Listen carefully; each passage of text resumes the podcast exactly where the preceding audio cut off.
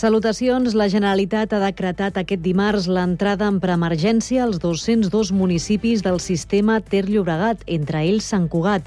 La mesura, que afecta 6 milions de persones, podria entrar en vigor entre dilluns i dimarts de la setmana vinent. El canvi de fase implica una reducció de la dotació màxima d'aigua per habitant i dia, que passarà dels 230 als 210 litres. La resta de restriccions es mantenen igual que en l'excepcionalitat, exceptuant la dotació d'aigua permesa per al rec de superfícies de gespa destinades a l'esport federat. L'executiu ha fet una crida a forçar l'estalvi d'aigua per allunyar la fase d'emergència que implicaria restriccions que afectarien el consum domèstic. De fet, Sant Cugat continua fent els deures a l'hora de no sobrepassar el consum d'aigua marcat per la Generalitat en el context d'excepcionalitat per sequera. Segons dades de l'Agència Catalana de l'Aigua, el nostre municipi va rebaixar el consum a l'octubre en 5 litres per habitant i dia, assolint els 231 litres. Així, estan encara en fase d'excepcionalitat, la ciutat s'ha mantingut allunyada del límit permès de 240 litres. Ara, però, amb l'inici de la preemergència emergència que comentàvem abans, Sant Cugat té l'obligació de disminuir el consum fins als 210 litres. Cugat Mèdia està a l'espera de saber quin és el llindar màxim que marcarà l'ACA per Sant Cugat, tenint en compte els consums de volums industrials. El Servei Municipal d'Informació i Atenció a les Dones ha atès en els primers 9 mesos de l'any 140 dones per una situació de violència masclista. Aquesta dada suposa un lleuger augment respecte al 2022, en què es van atendre 138. El perfil de dones ateses per aquest servei és d'una dona de mitjana edat, amb fills, estudis superiors, feina remunerada i nacionalitat espanyola. Del total, un 65% també rep atenció de serveis socials. I Sant Cugat dona la benvinguda al Nadal amb la tradicional encesa de llums l'1 de desembre a la plaça d'Octavià a les 6 de la tarda. Ho farà amb un espectacle de dansa a càrrec de l'Escola Fusió i l'Escola de Música Tradicional Sant Cugat. L'acte s'iniciarà abans, però, a dos quarts de cinc, amb un taller de pintacares i una xocolatada que oferiran estudiants de restauració de l'Institut FP Sant Cugat.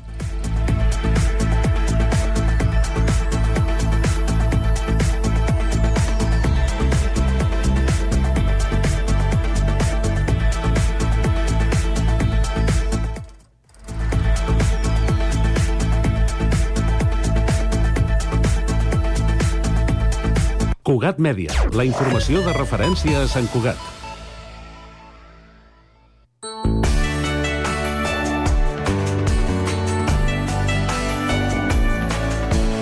Ràdio Sant Cugat, Cugat Mèdia, 91.5 FM. Hora Sant Cugat és un contenidor radiofònic de continguts santcugatencs. Continguts en xarxa.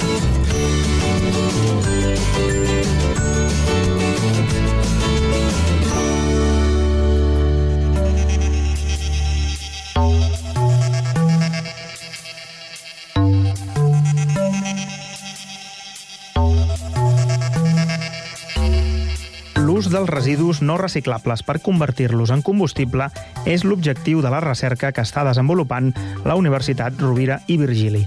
Aquesta Universitat de Tarragona participa en el projecte Val 2H2, coordinat per l'empresa Soriguer, que té l'objectiu de desenvolupar tecnologies que permetin l'aprofitament de residus de difícil gestió en forma d'hidrogen renovable. En parlem amb Francisco Medina, investigador catedràtic del Departament d'Enginyeria Química de la URB i director del Centre Tecnio Amic, aplicacions mediambientals i industrials de la catàlisi. Benvingut. Molt bé, gràcies. Uh, quin, quins tipus de residus es poden transformar en combustible? Bé, en general, eh, qualsevol tipus de residus, evidentment residus que no siguin eh, reutilitzables, sinó que ja han arribat a la seva vida final, com poden ser restos de, de poda, per exemple, de fusta, biomassa, neteja de boscos, tota la fusta i, i, i branques de neteges de, de, de boscos poden ser reutilitzar i transformar-los en diferents tipus de processos en hidrogen i també residus urbans. El residu típic que, de matèria orgànica que, que s'envia a la, a la, a la brossa, no? I que després, pues, evidentment, pues, va als abocadors. Aquest tipus de residu també té material que és interessant per poder fer transformar en hidrogen. I qualsevol altre tipus de residus, també, per exemple, residus plàstics, també es poden utilitzar i també transformar-se finalment en, en hidrogen. Molt. Aquests són els residus que bàsicament estem, eh, estem tractant en, en aquest tipus de projecte que va sobre la transformació d'aquest tipus de residus a la transformació d'hi- d'hidrogen verd. Uh -huh. quin, ara li preguntaré per quin és el procés, diríem, que, per, que, que passa diríem, aquest, aquest residu fins a ser hidrogen, però per la gent que no ho sàpiga, quin ús se'n fa de, de l'hidrogen, és a dir, en tant que combustible, eh? és a dir, en quins usos es podrien fer servir, o es poden fer servir? Bueno, l'hidrogen és, és un combustible, té una potència calorífica inclús més elevada que, que qualsevol altre combustible que tenim eh, eh, que fem servir, eh, que prové del petroli, i evidentment es pot fer servir com propi combustible, també per processos, eh, tots els processos que es fan a la indústria química, en la qual es necessita hidrogen per transformar unes matèries en unes altres, evidentment per automoció, és a dir, pots aplicar hidrogen als vehicles i per tant poden funcionar, inclús per aviació, inclús eh, comentava de fer servir hidrogen als avions, el que passa que això és una mica, la tecnologia no està prou desenvolupada a nivell d'aviació, però eh, inclús en aquest hidrogen que es pot obtenir, es pot obtenir combustibles sintètics també per aviació i també poden fer servir com eh, magatzematge de- d'energia i, per tant, transformar en altres substàncies, per exemple, amoníac, metanol, etc etc. i també pues, per produir electricitat a través de piles de combustible. Per tant, té una gran utilitat perquè l'hidrogen és d'aquestes substàncies que, que es fan servir moltíssim en tots els processos químics i petroquímics, no? i en química fina, etc etc. No? Per tant, en comptes de fer, utilitzar un hidrogen que ve de, del petroli, que actualment bàsicament ve de, del reformat del gas natural, obtenir un hidrogen que ve de, dels residus. No? Mm -hmm, perfecte. Doncs en aquest punt entenc que estan ara en fase no, d'investigació o de desenvolupament d'aquesta tecnologia, sense entrar en detalls excessivament tècnics, um, quin seria el procés per passar d'això, eh, d'aquest tipus de residus que explicava abans, cap a, uh, a un hidrogen verd? Bé, eh, llavors, eh, clar, eh, és, és un, un procés una mica més complex que, evidentment, el reformat de, del gas natural, que és quan passa de, de metà, no? Doncs fas un procés de, de tractament amb aigua a, a molt alta temperatura, que es diu reformat, i aquí s'obté, a partir d'aquí s'obté l'hidrogen. Aquí és un procés, evidentment, com ve de residus eh, naturals, eh, pues, que conté una gran quantitat, evidentment, d'altres substàncies, impropis i tot. Primer pues, hi ha un procés de separació, agafar la matèria orgànica, per exemple, la fusta, que té diferents tipus de components, lignina, cel·lulosa, cel·lulosa, etc etc. i fer un tractament que és hidrolitzar, eh? un tractament catalític que permet hidrolitzar i tots aquests polímers obtenir monòmers, sobretot sucres, eh? Eh, la, la sacarosa, la xilosa, i aquest sucre després vindria un procés fermentatiu en el qual a part- a partir d'aquest sucre s'obté etanol eh? i a partir de l'etanol fer el reformat d'aquest etanol per produir l'hidrogen. I aquest seria, per dir el cicle que necessita per transformar aquests residus en, en hidrogen. No? Mm, molt bé, perfecte. Aquest, eh, aquesta tecnologia entenc que ara estan en fase d'investigació, no? És a dir, en quin punt es troben exactament perquè això pugui mm, algun dia ser, ser una realitat? Bé, eh, eh, o sigui, les, les diferents eh, processos que t'he comentat abans, pues, evidentment estan alguns processos en, des del punt de vista de recerca a nivell de laboratori, però ja amb, amb, amb un nivell, per dir-ho així, el que nosaltres diem un TRL ja elevat, i el que volem és en aquest, en aquest projecte fer un, un pilotatge de tots aquests processos per, evidentment, si el pilotatge funciona de, de la forma adequada, pues ja se podria escalar fàcilment a, a nivell industrial. Hi ha, hi ha algun d'aquests processos, per dir-ho així, que estan eh, més contrastats, per exemple, l'últim de tot, que és el reformat, per tant, allà no hi ha cap problema des del punt de, del punt de vista de, de fer aquest reformat. La tecnologia és, està ben contrastada, perquè comentava abans que eh, l'hidrogen s'obté a través del, del reformat, no? per tant, això no. Però els altres processos de separació de les diferents fraccions de, de la biomassa, transformació d'aquesta biomassa en sucres i després la fermentació és el que estem desenvolupant més a nivell de laboratori. No?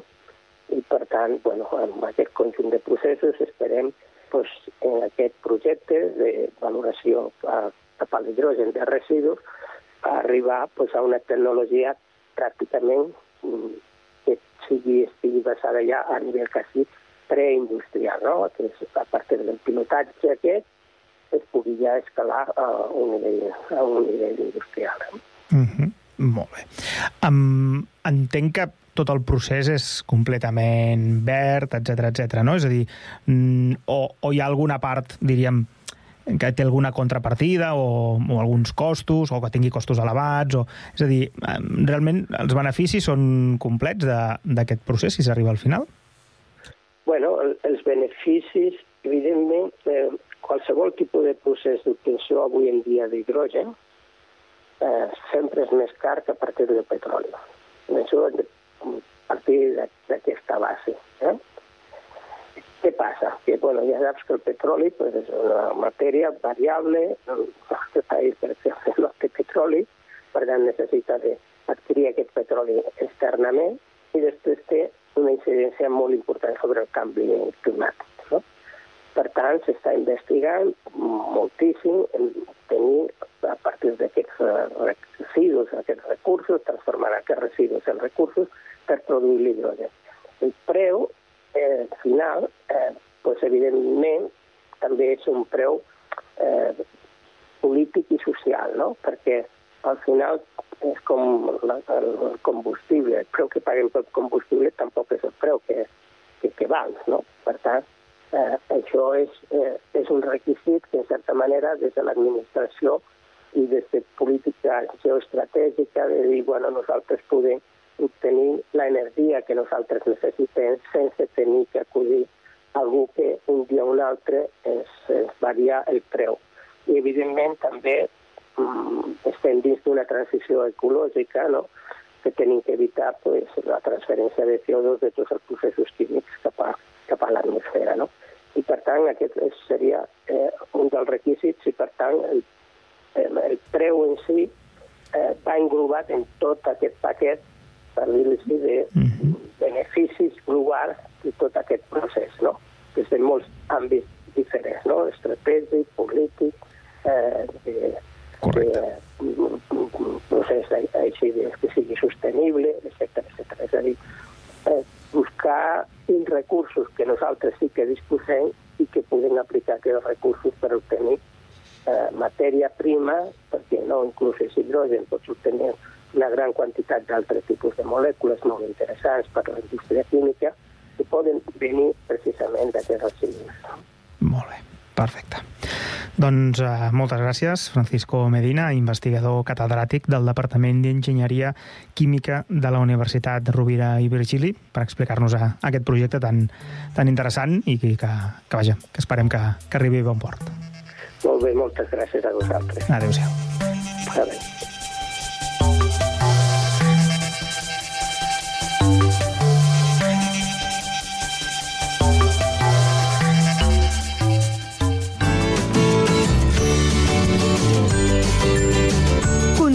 Continguts en xarxa.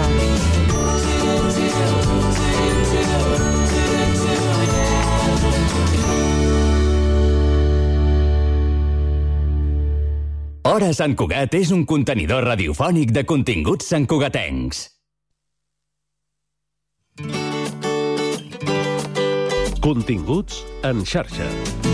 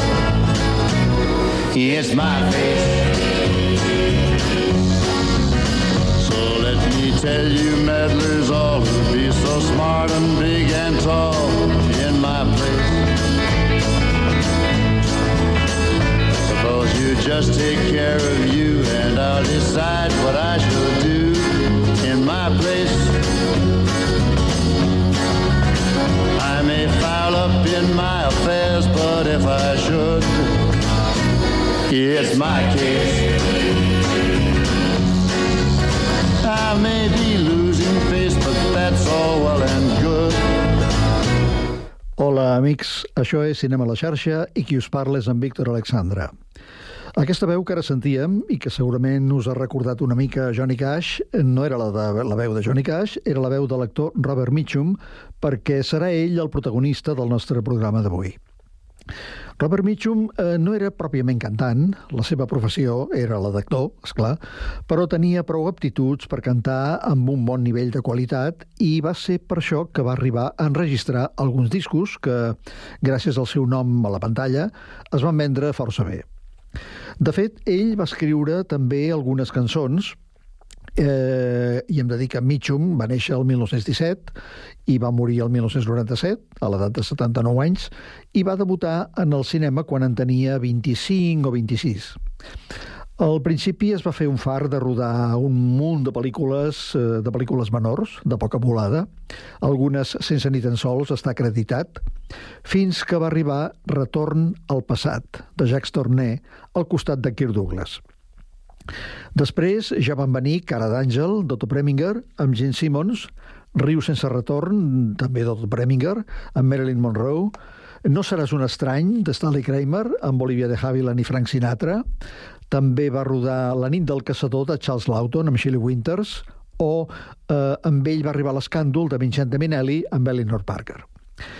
En el terreny musical, Robert Mitchum va començar a cantar bastant jove, sí, el seu primer disc el va registrar quan tenia 31 anys i quan en tenia 39 va cantar la banda sonora de la pel·lícula La ruta del tro. El, això era l'any 1958, que es va estrenar entre nosaltres amb el títol de Camí de l'odi. En aquest film, Camí de l'odi, Mitchum cantava aquesta cançó, la balada de Thunder Road. I can tell it all about the mountain boy drove. When his engine roared, they called the highway Thunder Road. Sometimes into Asheville, sometimes Memphis town. The revenuers chased him, but they couldn't run him down. Each time they thought they had him, his engine would explode. He'd go by like they were standing still on Thunder Road. And there was thunder, thunder, over Thunder Road. Thunder was his engine and white lightning was his load. And there was moonshine, moonshine, quenched the devil's thirst. The law they swore they'd get him, but the devil got him first. On the 1st of April, 1954, the federal man sent word he'd better make his run no more. He said 200 agents were covering the state. Whichever road he tried to take, they'd get him sure as fate. Son, his daddy told him, make this run your last. Your tank is filled with 100 proof. You're all tuned up and gassed. Now don't take any chances. If you can't get through, I'd rather have you back again than all that Mountain Dew. And there was thunder, Thunder was his load. Moonshine, moonshine to quench the devil's thirst. Uh, una cançó de la banda sonora del film Camí de l'Odi, interpretada per Robert Mitchum, i on també hi apareixien dos fills seus, Jim Mitchum i Christopher Mitchum. Uh, Robert Mitchum va ser un dels grans, un dels grans amb majúscules de Hollywood va pertànyer a la generació d'or, de platí, hauríem de dir, perquè és la que va donar noms que avui són llegenda per a tots els amants del cinema. Parlo de la generació de Claire Gable, Cary Cooper, James Stewart, John Wayne, eh, Henry Fonda, Richard Widmark, Kirk Douglas, Bart Lancaster, Gregory Peck o ell mateix, eh, Robert Mitchum. Recordem que la pel·lícula La conquesta de l'Oest va reunir cinc dels actors que ara mateix acabo d'esmentar. Actors com Marlon Brando, Paul Newman o Steve McQueen van venir més tard, eh, perquè eren d'una generació posterior. Però centrant-nos en el vessant musical de Robert Mitchum, podem dir que es va moure sempre en el terreny de les balades, de la música country i també del calipso. De fet, quan tenia 40 anys, van registrar un disc dedicat exclusivament al calipso, és a dir, a la música caribenya, a la música antillana i jamaicana. Um, val a dir que la història d'aquest disc és una mica estranya perquè, segons va explicar el mateix Mitchum, eh, anys més tard, a la televisió, va dir un dia que el van entrevistar, eh, eh, ell deia que li van encarregar aquest disc per poder pagar els músics d'aquelles terres que havien estat estafats per la maquinària de Hollywood. O sigui, els, els, els hi manllevava les composicions i feien uns arranjaments i després no els pagaven els drets perquè semblava que fos una altra, una altra composició. Una de les cançons d'aquell disc era aquesta Coconut Water, aigua de coco. Back to the West Indies. Baby, can't you see I'm losing me pep and me energy? What I need is Drink the coconut water. the jelly.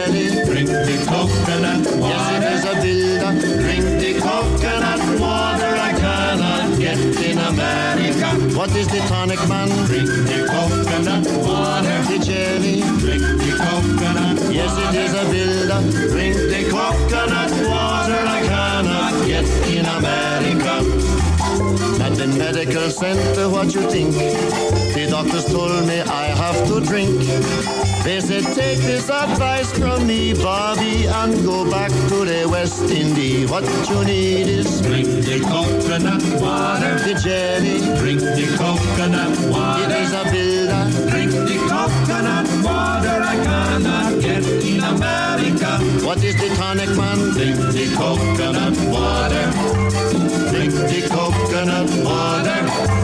Drink the coconut water I cannot get in America. I remember when I was young, I was a husky and very strong. Now I am so feeble and weak, my knees keep knocking when I... Coconut Water és una de les cançons que, que Robert Mitchum cantava en aquell disc dedicat íntegrament al calipso i entre els quals hi havia la famosa Matilda. La recordareu, aquella cançó que va popularitzar Harry Belafonte.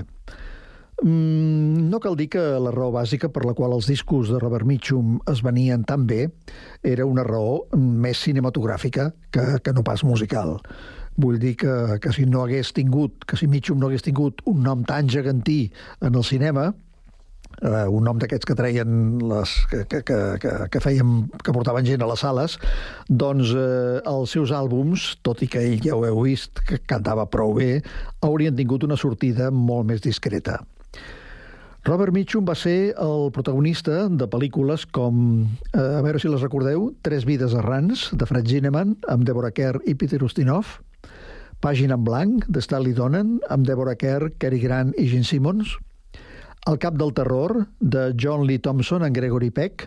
Precisament d'aquesta pel·lícula, El cap del terror, se'n va fer una, una nova versió i que la feia Robert De Niro i Nick Nolte i Jessica Lange, però, en, però en, també hi apareixia hi apareixia eh, Robert Mitchum eh, fent un, un paperet. Gregory Peck no, perquè, mm, si mal no recordo, crec que hi havia mort.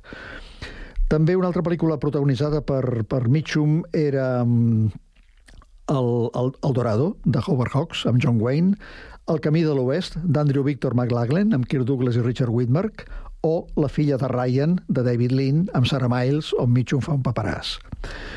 Robert Mitchum va morir de- va morir d'un càncer de pulmó l'any 1997. Eh, si hagués viscut 5 setmanes més, hauria fet 80 anys. Eh, bé, nosaltres tancarem aquest cinema a la xarxa que ha tingut eh, Pablo Palenzuela a les vies de so i que hem dedicat al vessant musical de Robert Mitchum amb la més brillant de les cançons que van registrar, Sony. Life was filled with rain, sunny. You smiled at me and really eased the pain. Now the dark days are done and the bright days are here. My sunny one, shining so sincere. Sunny one, so true. I love you.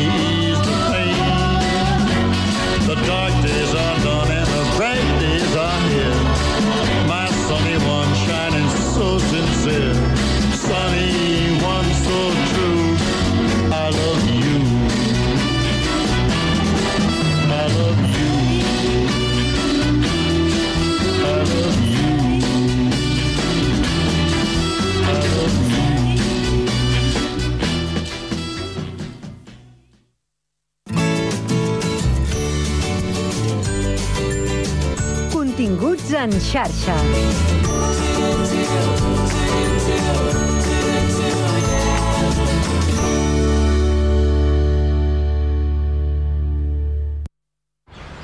Estàs pensant en posar plaques solars a casa teva? Doncs passa't a l'energia solar de manera fàcil i segura amb la teulada, experts en energia solar i el nou espai d'assessorament per a la ciutadania i les empreses. Informa't a la teulada arroba amb.cat o contacta'ns per WhatsApp al 645 725 465. La teulada és un servei de l'AMB finançat amb el Fons Europeu de Desenvolupament Regional. AMB, Metròpolis de Barcelona.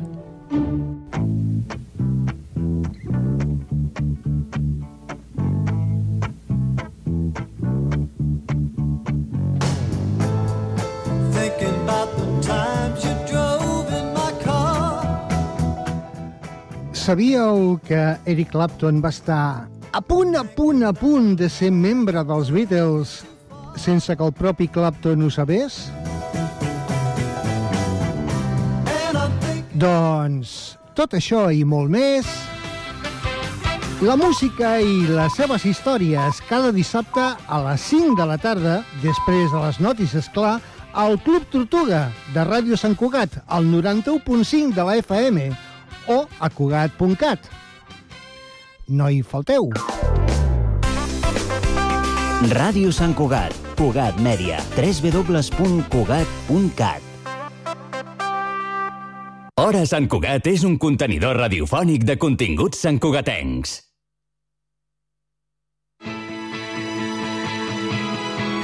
Entitats, a Ràdio Sant Cugat.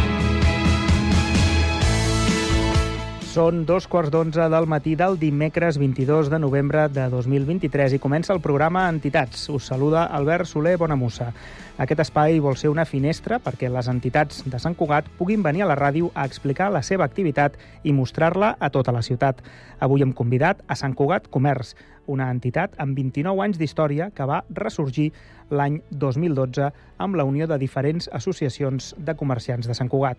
Actualment representen unes 190 botigues i comerços de la ciutat repartits en diferents barris i és que el comerç de Sant Cugat va, mo- va molt més enllà del centre. Per conèixer la història de l'entitat, el seu present i el seu futur, ens acompanyen, aquí a Cugat Mèdia, la seva presidenta, Aida Fernández, i la gerent Adela Burgos. Benvingudes. Gràcies, bon dia. Hola, bon dia. Com han estat aquests anys d'història i com recorden aquells, aquells inicis? M'imagino que, no sé si hi éreu en aquell inici, vosal, eh, Doncs vosaltres? la de la porta des del... 1998. Sí. Doncs gairebé. Jo del dos, des del 2005, des que vaig obrir la, la botiga. Vull dir que eh, ella pràcticament, exacte, està des del principi. Uh -huh. Doncs, Adela, explica'ns una mica com ha anat aquesta història de l'entitat i com, diguem, eh, com dèiem, no? ha sigut el 2012 la fusió de diferents associacions. A veure, jo quan vaig arribar era Federació d'Associacions de Sant Cugat i hi havia nou associacions. Estaven per barri i estava doncs, Centre Històric, Centre Estació, Centre Vila, Rossinyol, Avinguda del Tren, Endavallada, plaça Barcelona, Collfabà i Comerç i Servei. Cada associació doncs, tenia un petit número d'associats. Eh, fèiem també, cadascuna feia la seva dinamització en el, en el seu barri, diguéssim, i el que ens vam acabar trobant era que eh, despistàvem els clients. Per què? Perquè el client podia trobar eh, un regal que li feia una associació de centre històric, eh, no sé, una carmanyola, i l'associació del costat pues, havia pensat regalar-li un clauer i no en tenia perquè venia a comprar i trobava aquests regals diferents eh, un al costat de l'altre. Llavors, això i que vam veure també que de part de les entitats com la Generalitat que ens van dir que s'havia de fusionar i de fer una associació més forta, perquè aquestes petites associacions no arribarien lluny, es va decidir fer una unificació el 2012, ajuntar-les i que fos una associació doncs això que compartís tot el tema de dinamització, de campanyes, de promoció, per tothom igual. Llavors això va succeir això en el 2012 i a partir d'aquesta data doncs eh, es van ajuntar totes i representem a això 190 establiments aproximadament ara. Uh -huh. um, entenc que segurament no, tots els comerços de la ciutat hi estan adherits. Eh, una mica com funciona? Feu una mica de, de campanyes, intenteu convèncer dels avantatges de, de, de formar-hi part? És a dir, què, què se'ls hi pot dir a les, a les, als, que no, als comerços que encara no, no hi són? Doncs a veure, eh, crec que hem de ser tots junts perquè la força que podem tenir davant d'institucions i d'entitats a l'hora de lluitar pel comerç local, indudablement, quan més som, més força tenim. Llavors, què estem fent des, des de l'associació? Bueno, eh, estem incrementant els serveis que donem als associats, eh, també donem tíquets d'aparcament perquè els clients puguin aparcar en el centre, eh, estem fent promoció, hem agafat una noia dedicada exclusivament per fer màrqueting i publicitat i estem fent publicitat dels comerços que estan associats amb nosaltres, gravem vídeos, ensenyem el que fan, el que ens interessa és que els ciutadans vegin realment què hi ha al centre de la ciutat. I, i lluitem pels seus interessos, indudablement, davant de, de totes les entitats i creiem això que, que s'han de replantejar associar-se amb nosaltres per això, perquè podem fer moltes més coses i més grans si som més, indudablement. Molt bé. Um, Aida, com, uh, com, com es lluita, diríem, contra... Cada dia, diríem, no, bueno, no diria cada dia, però molt, massa sovint hem de fer notícies de uh, tanca el, la botiga tal que feia 30 anys que estava oberta, que feia 50 anys que estava oberta. Eh, també en fem de que se n'obren, eh? però de botiga així tradicional eh, en fem segurament moltes més de les que ens agradaria. Eh, és un mal, diríem, de, del moment que, que vivim? Es pot fer alguna cosa per, per evitar aquests tancaments, que, molt nostàlgics, perquè més la gent després és de les notícies més llegides, perquè, ostres, ha tancat el no sé qui, no? Doncs penso que es poden fer moltes coses. Uh, a veure, moltes tanquen perquè no tenen relleu. Uh, les noves generacions estan més per altres coses i no els atrau gaire el, el que és el comerç uh, tradicional. I és una, és una llàstima perquè el comerç tradicional dona vida a totes les poblacions. És, penso que primordial.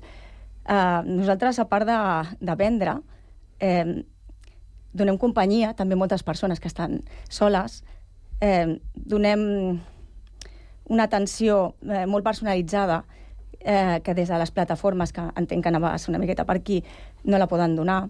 Sabem com, a, com es diuen, eh, sabem el que els agrada, els escoltem, i això és una cosa que s'està perdent moltíssim. La gent cada cop va més al seu aire. I això és el que penso que, que fa que al final eh, les botigues acabin desapareixent. Perquè la gent s'ha tornat bastant... Eh, eh, que ho vol tot immediat, i, i aquesta immediatesa fa que moltes vegades estiguin a casa i en comptes de pensar en, en com puc col·laborar amb la nostra ciutat i fer-la millor i, i veure-la créixer i veure-la com s'enriqueix el conjunt de la població, doncs pensen més en el que, on, on ho puc treure més econòmic, eh, més ràpid i, i, i més immediat. Mm. Llavors, aquest, eh, això és un, és un problema bastant gran de cara a, a, als, als comerços eh, tal com els coneixem però també per nosaltres és, una, és un repte aconseguir donar-li la volta. Un repte molt important que esperem aconseguir amb el nostre esforç. Eh, som molt creatius. Llavors, eh, d'una cosa dolenta mm, li hem de donar la volta i posar-la al nostre costat. Mm, abans, parlant amb l'Adela precisament, estàvem parlant de com donar-li la, la volta a aquest tema i, i bueno, aprofito que estem a la ràdio per uh -huh. recordar que a les petites botigues, a part de tots els serveis que estem donant, també podem portar-vos els productes a casa, si és el que necessiteu. Vull dir que eh, espero que ens tingueu en compte també per aquestes coses, perquè som una societat que ens hem d'ajudar els uns als altres. I aquesta, aquesta societat, eh, si hi ha una part, mm, com és el comerç local, que dona molta vida al centre, que fa que no tingueu por en sortir al carrer perquè estem eh, als carrers il·luminats, que aporta uns impostos que altres empreses eh, no, els, no els aporten aquí, que els aporten a l'estranger, doncs eh, l'ideal seria que entre tots eh, ens conscienciéssim d'aquest tema i lluitéssim perquè, perquè això canviés. Uh -huh. um, fa un temps, parlant amb Sant Cugat Comerç, ens parlaven d'aquesta plataforma, diríem, online per, pel comerç de proximitat, que era com una unió de diferents associacions a nivell català. entenc que això està vigent i que funciona i que es pot, eh, vull dir, eh, el, podeu portar el, producte a casa, per entendre's, això que deies, o, o això ho feu cadascú de manera individual? A veure, aquella plataforma es va crear en un moment que va ser amb el confinament, Mhm. On van trobar que les botigues est estaven tancades i havíem de buscar una manera de que poguessin vendre els seus productes. Llavors, això va ser a nivell Catalunya, no només Sant Cugat, i eh, sí que és cert que en aquell moment doncs, es va utilitzar, però jo crec, des del meu punt de vista, que ens vam precipitar i molts comerciants encara no estaven preparats per vendre online o de manera digital. I llavors van trobar molts problemes a l'hora de, de poder desenvolupar-se en aquell medi. Mhm. Llavors, a dia d'avui continua vigent, però sí que és cert que de comerços de Sant Cugat queden dos o tres només. La gran majoria, la compra que deia l'Aida, de, que es pot comprar eh, online també, és a través de les seves pàgines web. O sigui, mm, tots els comerciants de Sant Cugat tenen la seva pàgina web i poden portar-te a casa el que compris. Molt bé, perquè um, uh, un dels problemes, diríem, abans mencionaves el tema de, que oferiu els tiquets d'aparcament, no? Uh, és el conflicte que habitualment es parla no? de vianantització de carrers versus uh, uh, comerç, etc. Um, ara l'última notícia que vam tenir va ser el, el trasllat del Colmado Quílez, que deixa l'Avinguda de Cerdanyola, que l'acaben de vianantitzar, i se'n va a un altre lloc per poder oferir aparcament, un espai per poder aparcar els seus clients.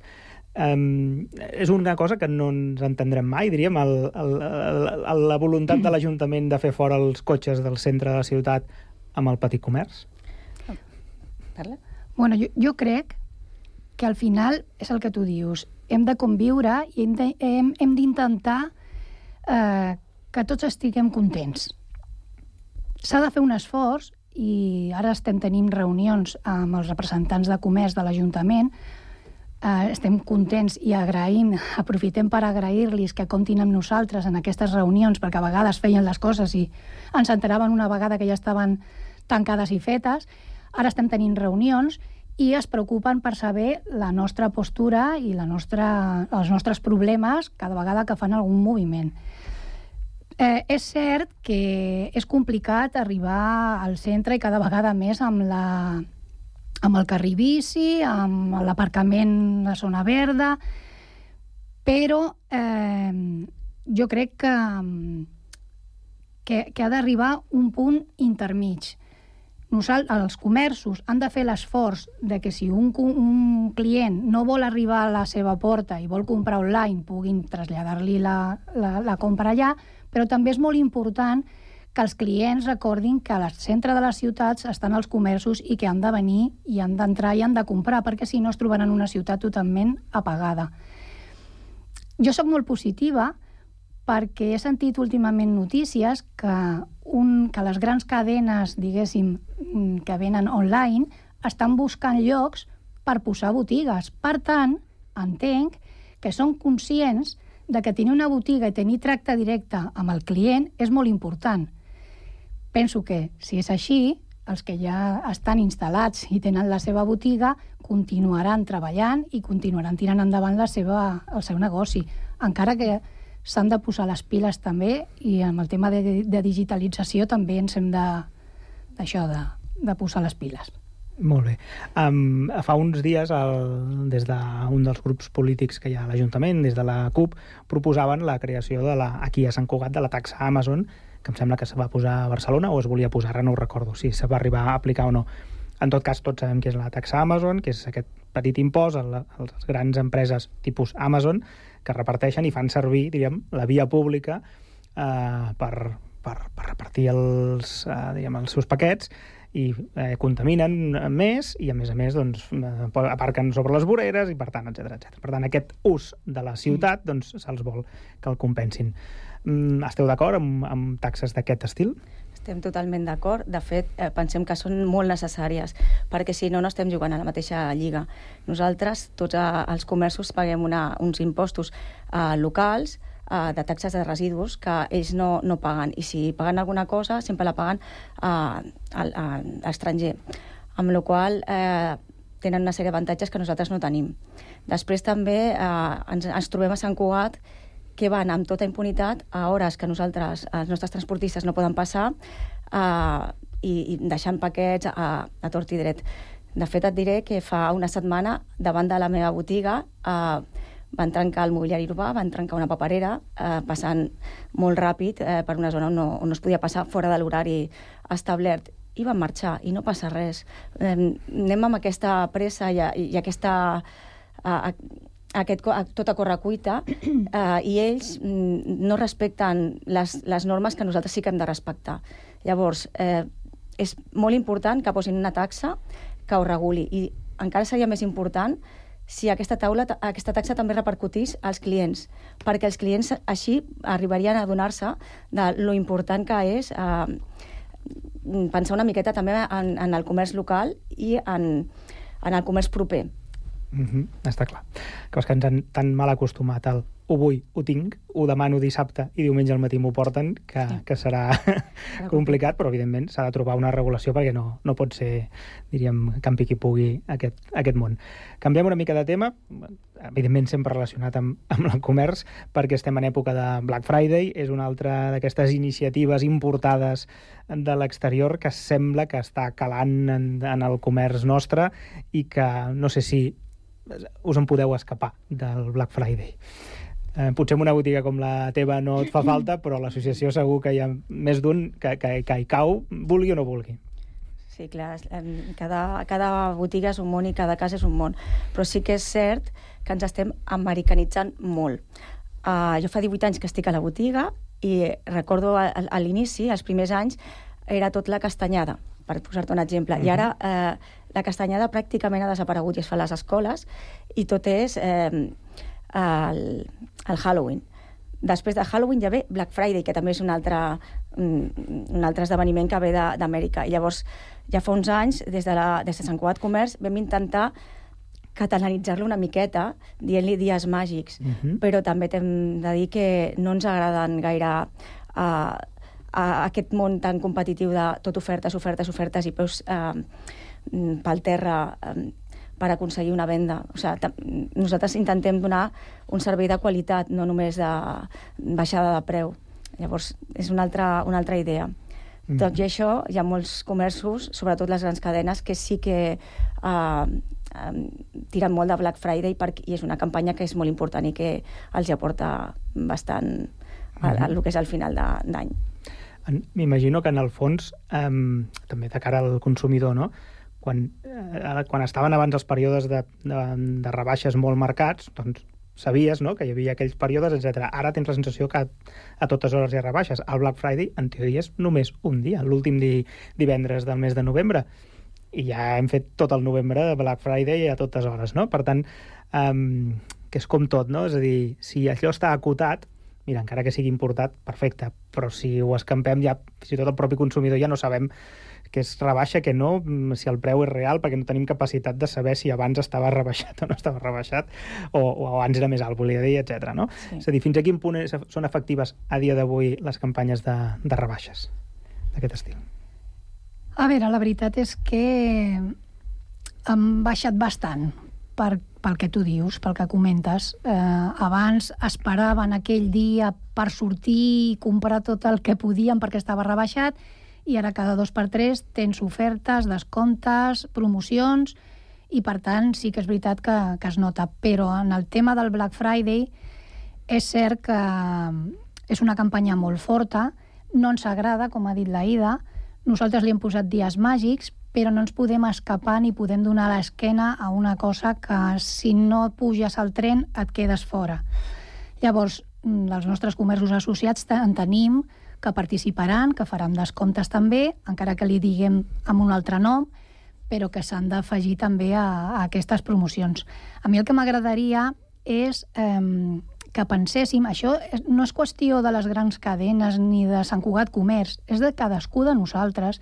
Hem de pensar quina ciutat volem en el futur. Seure'ns un moment, quan estem relaxats, i pensar quina ciutat t'agrada a Sant Cugat, que tu vius i estàs molt content i t'agraden les botigues quan surts i passes pel carrer Santa Maria, Santiago Rossinyol, Valdoreig i penses, ostres, que maco. pensa realment, si tu continues comprant en aquests centres grans o en aquestes eh, grans cadenes, què Sant Cugat et trobaràs d'aquí a poc, no a molt, a poc. Llavors, hem de potenciar les nostres arrels, hem de pensar en el que és nostre. Ja sé que és complicat, perquè quan venen aquestes campanyes fortes des de fora, doncs tenen una publicitat al darrere, tenen molts diners posats i, per tant, clar, t'arrosseguen. Però demanaria als ciutadans que seguin i pensin també una miqueta això, què és el que volen realment a l'hora de, que, de substituir la castanyada pel Halloween i de substituir el Black Friday o, o el Nadal per uh -huh. el Pare Noel per... O sigui, Sí, sí, els Reis. Mags. Mhm. O sigui, ens hem de parar un moment a pensar. I crec que anem molt de pressa i no ens aturem. I potser quan ens adonem serà molt tard. Llavors, això sí que m'agradava comentar-ho. Molt bé. Realment, ara parlaves de, del Nadal, um, la, el moment segurament més fort i àlgid pel, pel comerç, pel petit comerç de qualsevol ciutat, deu ser la, la campanya nadalenca, que tot just l'estrenarem la setmana que ve, el dia 1 de desembre eh, s'encendran les llums, que és com la posada, eh, diríem, de gala de, de qualsevol campanya nadalenca. Les llums de Nadal estan molt enfocades en el comerç, no? Em, algú pot pensar, ostres, que hi siguin o no les llums farà que jo compri més o menys? És evident que si cada any es fa, és així, no? És a dir, per tant, fins a quin punt és important i, i, i no sé si teniu calculat quin percentatge de vendes representa la campanya Nadal. Igual que pels llibreters Sant Jordi sempre diuen que és el 20% de la seva facturació anual, no sé, per, per un comercial de qualsevol altre de sector, què representa la campanya Nadal. Aproximadament un 30% de les vendes de tot l'any. O sigui, és de les campanyes més importants que el comerciant està esperant com... Bueno, amb necessitat, la veritat. I les llums sí que fan, i tant que fan. O sigui, no és el mateix sortir al carrer i veure un carrer decorat amb llumetes, amb ganes de que et donen de passejar i de mirar els escaparats, que passejar per carrers que estan totalment apagats i que no conviden a, estar allà. Llavors, sí que ajuden.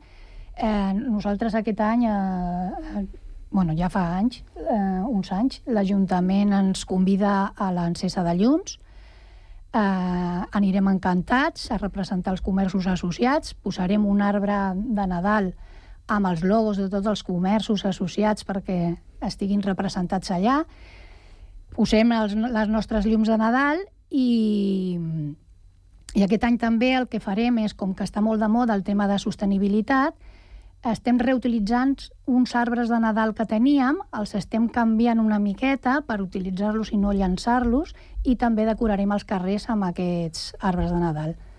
Llavors és una miqueta doncs, això, mm, Mm -hmm. treballar per la sostenibilitat també des de l'associació. Perfecte.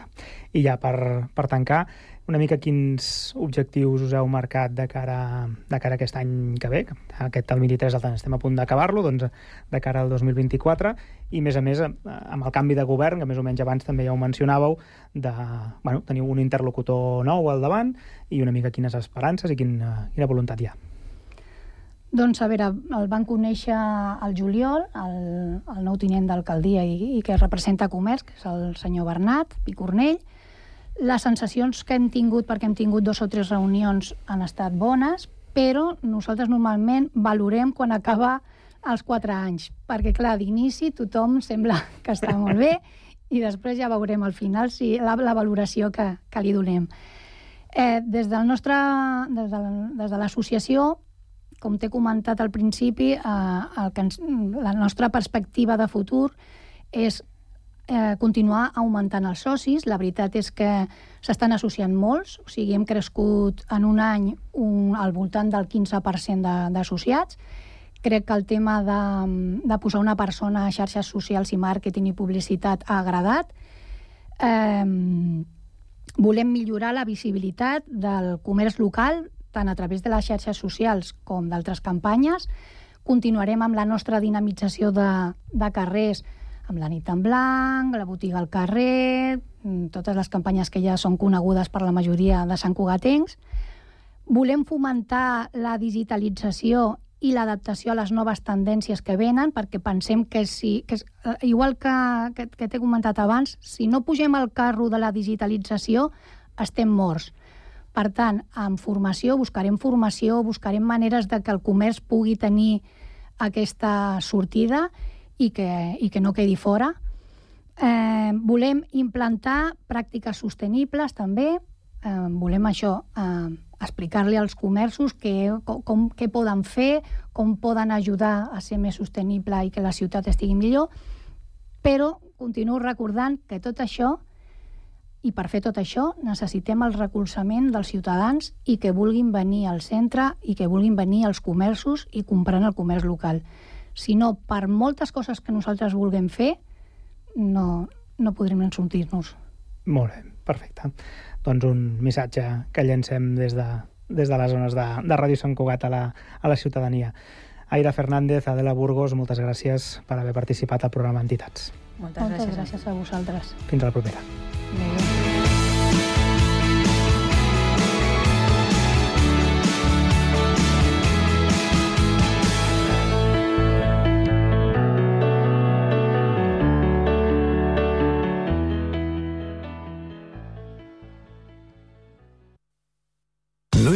ser els integrants del millor grup de la història que ser el millor grup de la història. Per això, el grup català Occident serem Occident, perquè per continuar assegurant-ho tot, tot i tot, ens havíem d'ajuntar tots, tots i tots. Entra a seremoccident.cat. L'associació Amants del Teatre i Ràdio Sant Cugat Cugat Mèdia t'apropen grans obres de la literatura a través de la Uida. Ivan Ivanovich es treu una nota de la butxaca i la llegeix. Una bola de cristall per al llum, una lliura d'embotit, cinc còpecs del clavell d'espècie... Socials de l'afer, però juro solemnament que no he tacat el nom del 30, meu marit. 40, 50, 60. Aquí té els seus diners. Ara, on m'he de posar? Radioteatre amb obres de Mercè Rodoreda, Pere Caldés, Robert Robert o Anton Chekhov. Al 91.5 FM i a www.cugat.cat.